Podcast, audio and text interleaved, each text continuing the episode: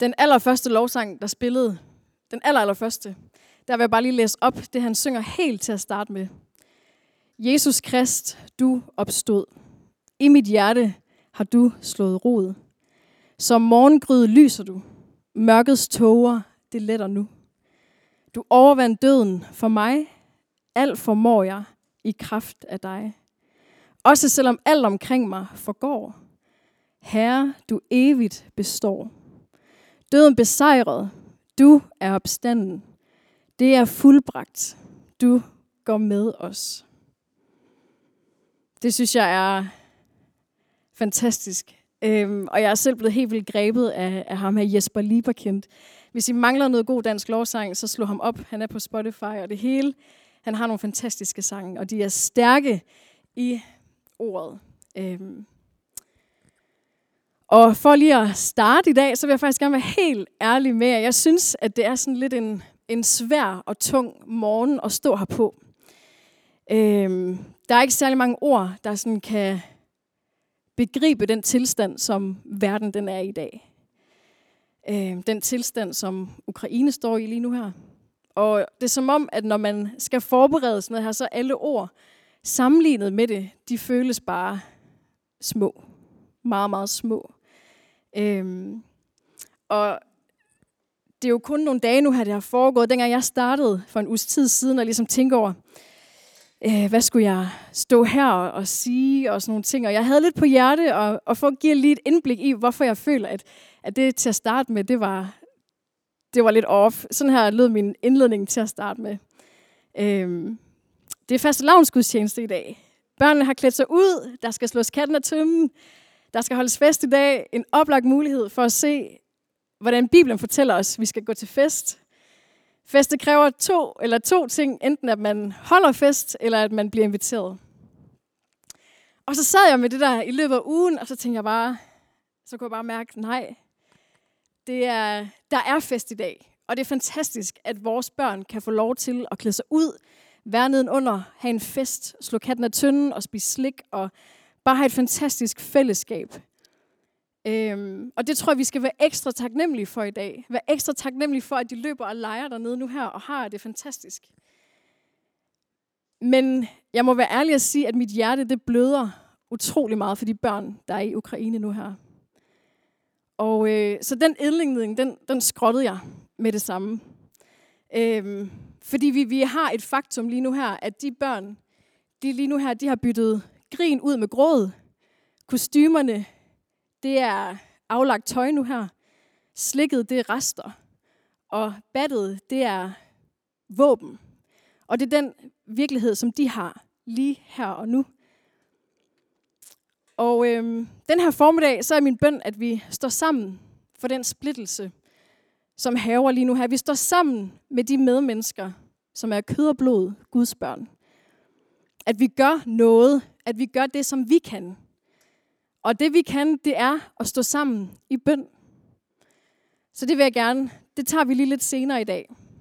Men gør vi bare noget, så kan det godt redde liv.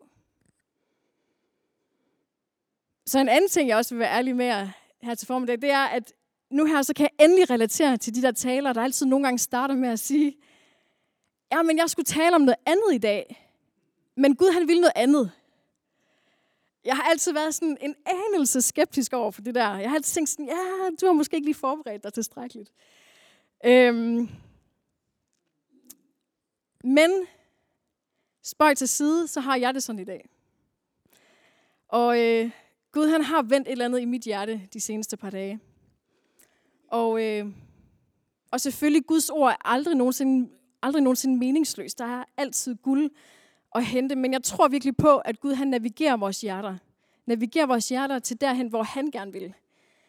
Og der er det jo selvfølgelig at følge med, fordi der er der bedst at være. Det er der, vi altid finder honningen og mælken. Det er der, hvor Gud han er. Jeg vil gerne fortælle jer en lille historie fra ugen også. Øhm, der var på et tidspunkt, hvor at jeg talte med en kvinde til et arrangement. Der var masser af mennesker, og vi falder i snak. Og øhm, der var masser, der minglede og smalltalkede, og, og vi stod og hang lidt ud. Super hyggeligt. Og jeg falder i snak med hende. og vi kalder hende bare lige Katrine. Og øh, vi står og chatter og vi spørger lidt ind til hinanden, og hun, hun spørger, Nå, men, har du en fyr? Og så griner jeg og siger sådan, ja, altså jeg, jeg er helt off the market, jeg er gift, og det er altid sådan en god måde at ligesom starte en samtale på, fordi man får altid den der, Nå, jamen du er da sådan ung, hvordan kan det være? Og så starter den ligesom der. Øhm, og jeg fortæller lidt om, om, om Rasmus og øh, hvem jeg er. Og, og så spørger jeg jo ind til, om, om hun også har en fyr. Og ja, hun havde en kæreste og en, og en sød lille søn og sød lille familie. Og jeg spørger, hvor længe har I været sammen?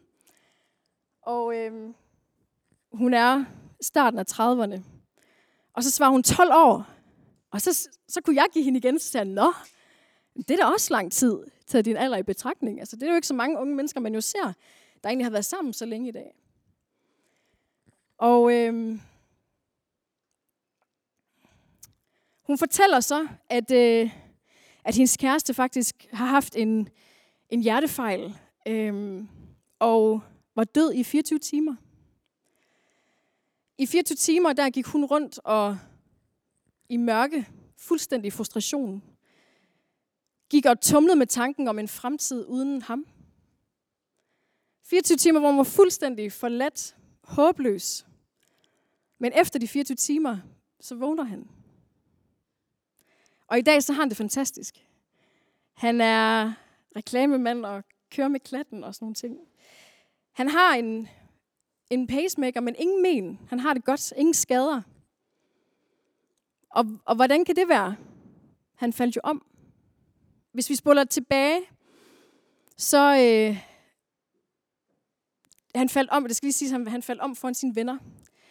Øhm, og de gik jo fuldstændig i panik. Øhm, men de sprang ind over ham, og de gav ham hjertemassage. Hun fortæller, at de anede ikke, hvad de lavede. Men de var desperate. De skulle bare gøre et eller andet. Han skulle tilbage. Og den ild, som de faktisk formåede at tilføre hans hjerne der, det reddede hans liv. Og det har gjort, at han ikke er hjerneskadet i dag. Vennerne, de gjorde et eller andet. De gjorde noget, og det reddede hans liv. Så hun afsluttede med at sige, Emily, det er derfor, vi er sammen. Når man har mistet sin kærlighed i 24 timer, så vil, og man vil gøre alt i hele verden for at få den tilbage, så bliver man sammen. Og jeg synes, det var så ekstremt stærkt, da hun sagde det. Et vanvittigt kærlighedsbudskab. Og det kunne være en helt anden prædiken, men da jeg var så på vej hjem fra det her arrangement, så fløj tankerne omkring det her med, at kærligheden, der udholder alt. Et så kraftfuldt budskab fra et par, som hverken er troende eller kristne, ingenting. Men Gud, han er kærlighed. Gud, han har altid været kærlighed, er kærlighed. Og tænk, hvor stærkt han også har været til stede der. Selv i situationer, hvor han ikke engang får æren for det. Det stusser jeg over. Hans ånd, den strømmer jo rundt på hele jorden. Alle mennesker, som han har skabt i sit billede, får lov til at opleve det. Og på vegne af Katrine, så dengang jeg gik hjem, så gav jeg ham bare al den pris og ære, han skulle have for det mirakel. Fordi det var fuldstændig fantastisk. Så mit budskab i dag, det er at gøre noget, fordi det redder liv. Vi skal læse om kvinden, der er grebet i ægteskabsbrud. Det er i Johannes evangeliet kapitel 8, vers 1-11. Men Jesus han gik ud til olieblæret. Ved daggry så var han atter på tempelpladsen. Hele folket kom til ham, og han satte sig ned og underviste dem. Men så kommer de skriftkloge, skriftkloge og fariserne med en kvinde, der var grebet i ægteskabsbrud. De stiller hende foran ham og siger til ham, Mester, den her kvinde, hun er grebet på færdsgærning i ægteskabsbrud. Og i loven har Moses påbudt os at stene den slags kvinder. Hvad siger du? Det sagde de for at sætte ham på prøve, så de kunne anklage ham. Men Jesus han bøjede sig ned, og han gav sig til at skrive på jorden med fingeren. Da de blev ved med at spørge, rettede han sig op, og han sagde til dem, Den af jer, der er uden synd, skal kaste den første sten.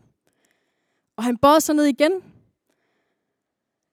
Han bøjede sig ned igen, og han begyndte at skrive på jorden. Da de hørte det, så gik de væk. En efter en, den ældste først, Og Jesus han blev tilbage med kvinden, som stod foran ham. Jesus han rettede sig op igen og sagde til hende, kvinde, hvor blev de af? Var der ikke nogen, der fordømte dig? Hun svarede, nej herre, ingen. Så sagde Jesus, heller ikke jeg fordømmer dig. Gå og synd fra nu af ikke mere. Jesus han sidder altså og underviser her, og de skriftkloge og de farisæerne, de kommer hen med kvinden, tester Jesus og bliver ved med at spørge. De nærer ham, de bliver bare ved og ved og ved, og i det de bliver ved, så gør Jesus noget. Han rejser sig op og siger nok en af de mest sigende og stærkeste sætninger i Bibelen. Den er jer, der er uden synd. Værsgo og kast den første sten. Kvinden, hvis vi lige tager hendes perspektiv, hun er fuldstændig hjælpeløs her. Forestil jer, hvor ydmygende det må være. Hun er grebet på færdskærning, det står der, og hun er på vej hen for at miste livet. Hun er i hænderne på de skriftkloge og fejserne. Hun er kvinde. Hun er helt alene. Alt i den her situation er imod hende. Der skal vidderligt et mirakel til at redde hende. Og i det farisæerne de bliver ved og ved og ved med at nage Jesus, så rejser han sig. Han stiller sig i respekt og sætter dem i skakmat. Den, der uden synd, er velkommen til at kaste den første sten. Han er så skarp her, Jesus. Han er det, som jeg vil kalde ydmyg og flabet, og jeg elsker det. Han giver dem sådan lidt igen. Og det er fantastisk. Og de kan ikke andet end at gå. De vender sammen, og de går en efter en. Og jeg elsker lidt den her historie. Måske fordi jeg er kvinde. Det kan godt være. Jeg føler med hende. Hun står her blandt mænd. Hun er i fuldstændig undertal. Jesus han var endda mand. Hun havde i princippet absolut ingen chancer for at, gå, for at gå derfra med livet i behold. Men vi tjener en Gud, som sætter sig uden for menneskers standarder. Og hån og ødelæggelse. Han sætter sig uden for fordømmelse og død. Han tog hendes parti. Altså, what? Tag den her tid og setting i betragtning, så er det jo fuldstændig vanvittigt, at han gør det. Men Jesus, han ser kød og blod. Han ser et bankende hjerte. Han ser værdifuldt blod, der ikke skal gå til spild, men der skal have lov til at leve til evig tid. Kvinden, hun gik ikke bare derfra med sit liv i behold. Hun gik derfra med evigt liv. Og det vidner om, at når mennesker, de håner dig, så hylder Jesus dig. Og når mennesker, de ydmyger dig, så ydmyger Jesus sig for dig. Og når mennesker, de griber dig på færre skærning, så griber Jesus dig. Når mennesker, de går imod dig, så går Jesus med dig. Vi er kaldet til Jesu efterfølgelse. Stil dig i Jesu position. Når mennesker de bliver små og håner andre, så hyld de udsatte. Når mennesker de ydmyger andre, så bøj dig for de ydmyge. Når mennesker de griber på færre gerning, så grib dem. Når mennesker de går imod andre, så tag dem ved hånden og gå med dem. Når vi ser på Jesu kropssprog i lignelsen, så er det faktisk lidt sjovt. Han bevæger sig rigtig meget. Han er gang i nogle gode squats op og ned. Jesus han sidder jo ned og underviser. Og da de kommer hen med kvinden, han rejser sig op. Men da de fortæller, at kvinden hun skal stenes, fordi det står i loven, så bøjer han sig ned og begynder at skrive igen. Han er ned igen. Og da de bliver fuldstændig irriterende, de skriftkloge og farisæerne, og de bliver ved med at spørge, så rejser han sig op igen. Og han sætter dem på plads. Derefter, når de så er gået, så sætter han sig ned igen. Og til sidst, så rejser han sig op og taler med kvinden. Og ja, det, man kan udlede, det er, at han havde jo gang i noget. Han var i gang med at undervise. Men selvom at han havde en masse at se til lige der, og helt sikkert ikke magtede at have med de her fariserer og skriftkloge at gøre, så kom han ikke med nogen undskyldninger overhovedet. Jesus han har aldrig for travlt til at rejse sig for retfærdigheden. Han gjorde noget. Og det er noget, som vi mennesker har lidt svært ved. Det der med undskyldningerne. Og det skal vi læse om i Lukas evangeliet 14. Der er også en dejlig lignelse. Lignelsen om det store festmåltid. Og der står sådan her, efter at have hørt det, sagde en af gæsterne til ham, Salig er den, som sidder til bords i Guds rige.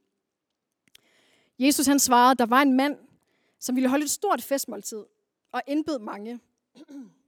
Da festen skulle begynde, sendte han sin tjener ud for at sige til de indbudte, kom nu, alt er til redde.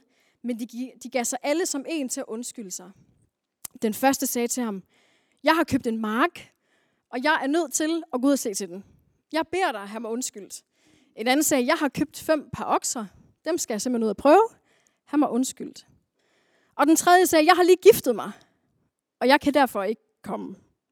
Tjeneren kommer tilbage og fortæller sin herre det her, da, huset blev, eller, da, der blev husets herre vred, og han sagde til tjeneren, gå straks ud på byens gader og stræder og hent de fattige.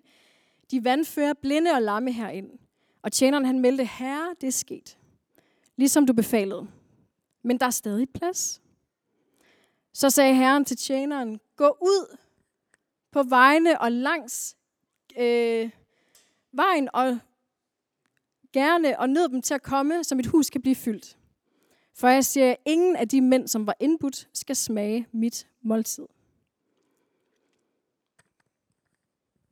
En stærk lignelse, som har mange budskaber i et. Og vi skal bare se på en af dem. Vi skal se på de undskyldninger, som de indbudte de tilkendegiver en efter en. Den første siger, jeg har købt en mark, og den skal jeg lige ud og se til. Den næste siger, jeg har købt fem par okser, og dem må jeg ud og prøve. Den sidste siger, jeg er lige blevet gift. Han mig undskyldt. Og jeg synes, den sidste, den er sådan lidt komisk. Øhm, forestil jer, at man får en invitation, og så må man sige, ah, men jeg kan desværre ikke komme, jeg skal simpelthen hjem og se efter Rasmus. Altså, og med det sagt, så ligger der jo en masse mellem linjerne. Det er ikke tilfældigt, at det netop bliver de undskyldninger, der bliver brugt. Ser vi på den første, jeg skal ud og se til marken. Marken, det der, hvor planter dyrkes, og dyr de græsser. Der høstes på markerne. Marken, det hvor vores arbejde det bliver belønnet. Arbejde er ofte undskyldningen for ikke at deltage. For ikke lige at have tid til at sætte sig ved Guds spor. Om jeg skal lige have ordnet de der papirer. Jeg har en deadline, eller jeg skal til et meget vigtigt møde. Hvad som helst. Og hvorfor? Fordi som mennesker, så vil vi helt vildt gerne belønnes. Det føles rart, det er opmuntrende. Det er opmuntrende, at vi kan høste vores gode arbejde. Arbejde det er fuldstændig en del af vores identitet. Og det er også en af de ting, som vi endelig skal give en skalle. Men spørgsmålet er, kommer det i vejen for vores plads ved bordet? Marken er, hvor vi sår, vi høster. Der kan græsses. Men det er også der, hvor alt kan blive tørt. Det læser vi om i første Mosebog. Faraos drømme. Om hungersnøden i Ægypten. Josef han tyder drømmene. Farao han overgiver ham Ægypten. Og i de syv år, og i de syv gode år, der sørger Josef for at indsamle alt det korn, så de har til de syv år med hungersnød. Marken, det er altså der, hvor liv og død udspringer. Og ligesom marken, så er vores arbejdsliv fuldstændig utilregneligt. Gode og dårlige år, de kommer. Og vi må høste i de gode, så vi har til de dårlige. Men lad aldrig arbejdet blive en undskyldning for ikke at deltage, for ikke at tage plads ved Guds bord. Fordi ved Guds bord, det er der, hvor at den evige mæthedsfølelse, den udspringer. Det er ikke hverken liv eller død. Det er den evige mæthedsfølelse. Den anden, fem par okser.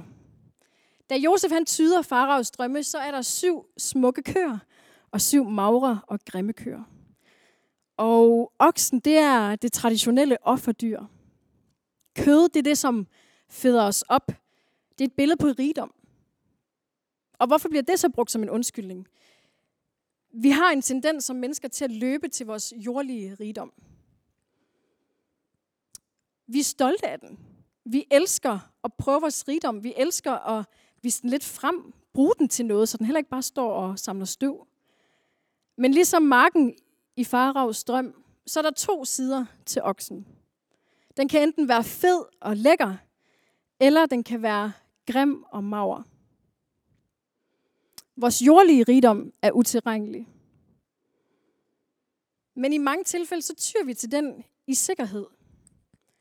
Den indbudte, han nævner også, at han har fem par okser. Til de hurtige, så er det jo 10 okser i alt. Og øh, vi har 10 fingre, vi har 10 tær, for eksempel. Og øh, Moses han fik de 10 bud på Sinai-bjerget. Gud han sendte de 10 bud over Ægyptens folk. De 10 plager, nej, hvad siger jeg? Han Gud sendte de 10 plager over Ægyptens folk. 10, det har med magt og ledelse at gøre. Og der er i virkeligheden kun én, der kan finde ud af at have med magt og ledelse at gøre. Magt er noget, som vi stræber efter, ofte som mennesker, at være først og have magt.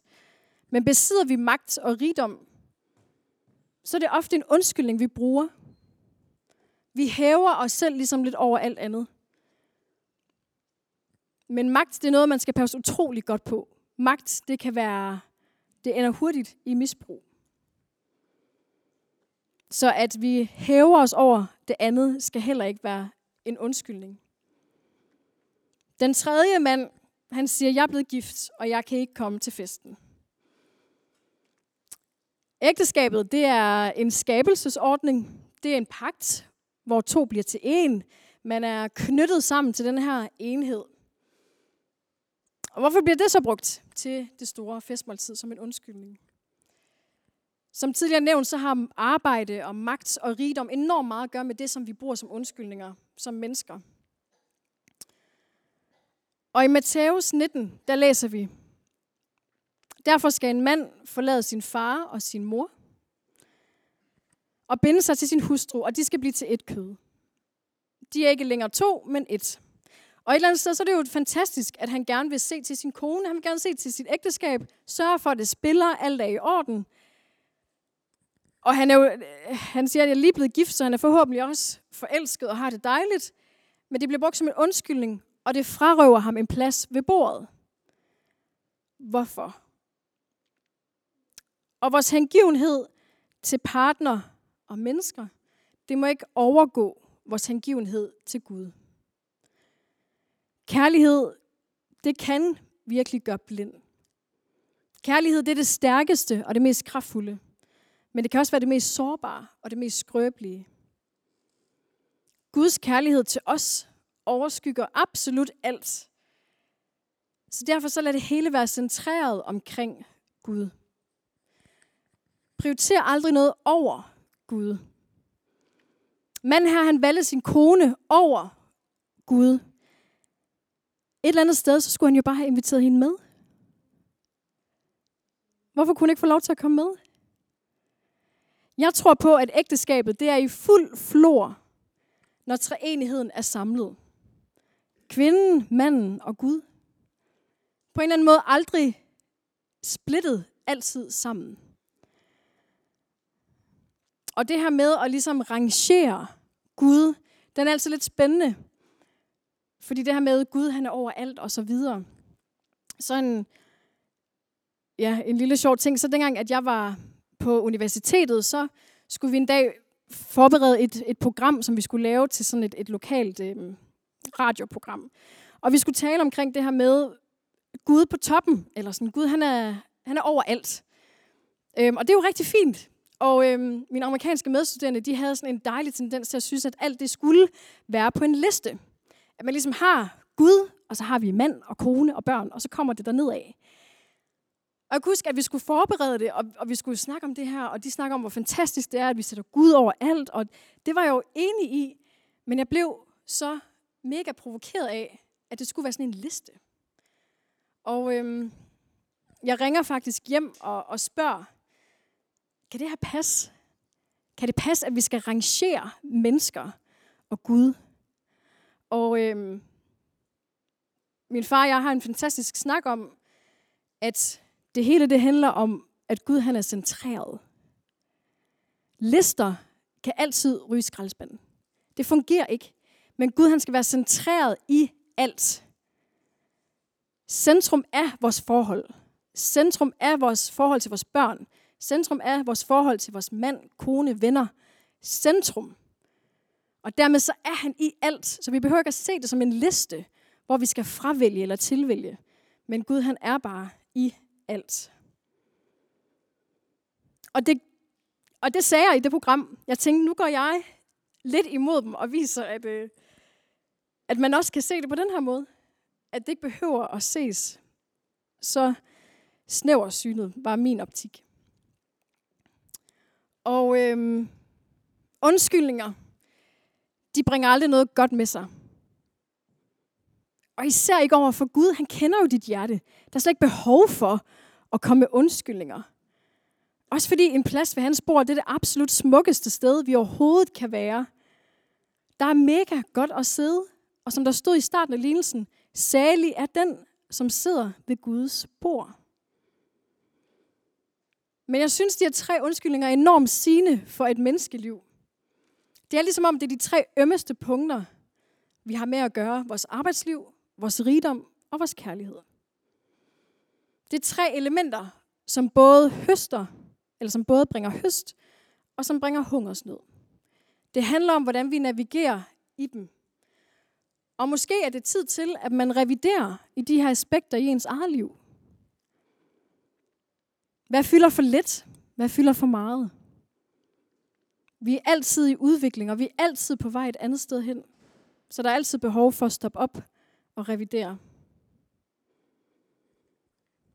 Man kan sige, at vi må aldrig undskylde os selv, og så afslå en invitation fra vores far i himlen. Vi må gøre noget. Et eller andet handle. Kort sagt, så bringer undskyldninger kun død i vores liv. Og handling, det bringer liv. Hvis vennerne der for 10 år siden, de var gået i panik, og begyndte at undskylde over, at vi ved heller ikke, hvordan man gør. Hvad kan vi gøre? Så havde Katrine ikke haft sin kærlighed ved sig i dag.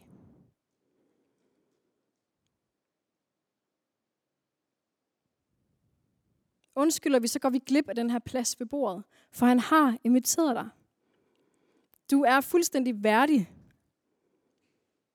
Kvinden, der begik ægteskabsbrud, var værdig. Ligegyldigt din baggrund, hvor du kommer fra, ligegyldigt din nutid, så er du også værdig. Det hele handler om, at der altid er en vej, og den vej hedder Gud. Der står senere i lignelsen, at da tjeneren kom tilbage, så var der stadig plads ved bordet. Navneskiltene, de ophører aldrig i Guds rige. Guds spor, det fortsætter til evig tid. Det eneste, der ikke er plads til, det er de her undskyldninger. Og jeg skal være den første til at erkende, at det kan blive som en afgud for os. Det er så nemt at undskylde. Lige at finde et eller andet i vores liv, som vi kan undskylde med. Men vi står med valget om at undskylde eller gøre noget. Gør vi noget, så redder det liv. Måske vores nabos liv, vores eget liv. Hvert et liv fortjener den opmærksomhed.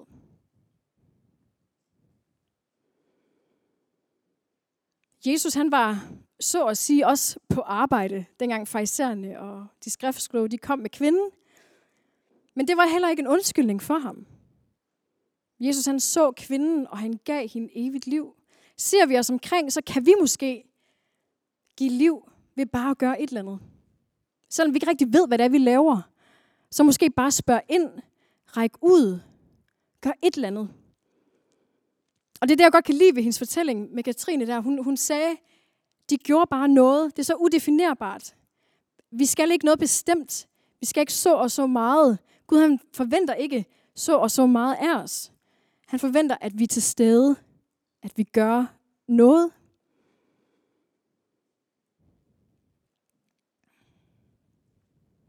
Og et eller andet sted, så handler det om at bøje os. Bøje os for Gud.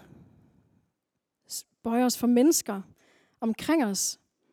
Jeg tror ikke, vi må være bange for at fejle. Fordi så er det der, vi går glip af de der muligheder for at få gjort et eller andet. Og vi skal gøre, hvad vi kan for Ukraine. Vi skal gøre, hvad vi kan for de ramte familier, alle de civile, kirkerne. Hver dit hjerteslag, som er under angreb. Vi skal bede, fordi det er det, vi kan gøre. Og jeg har det sådan, det er det eneste våben, som der skal bruges lige nu her i den her situation. Og det har vi. Og det er et, som kan nå hele vejen til Ukraine. Og jeg tror, det er enormt vigtigt at netop være til stede og se sig omkring. Og væbne os med Guds rustning. Og bede om fred.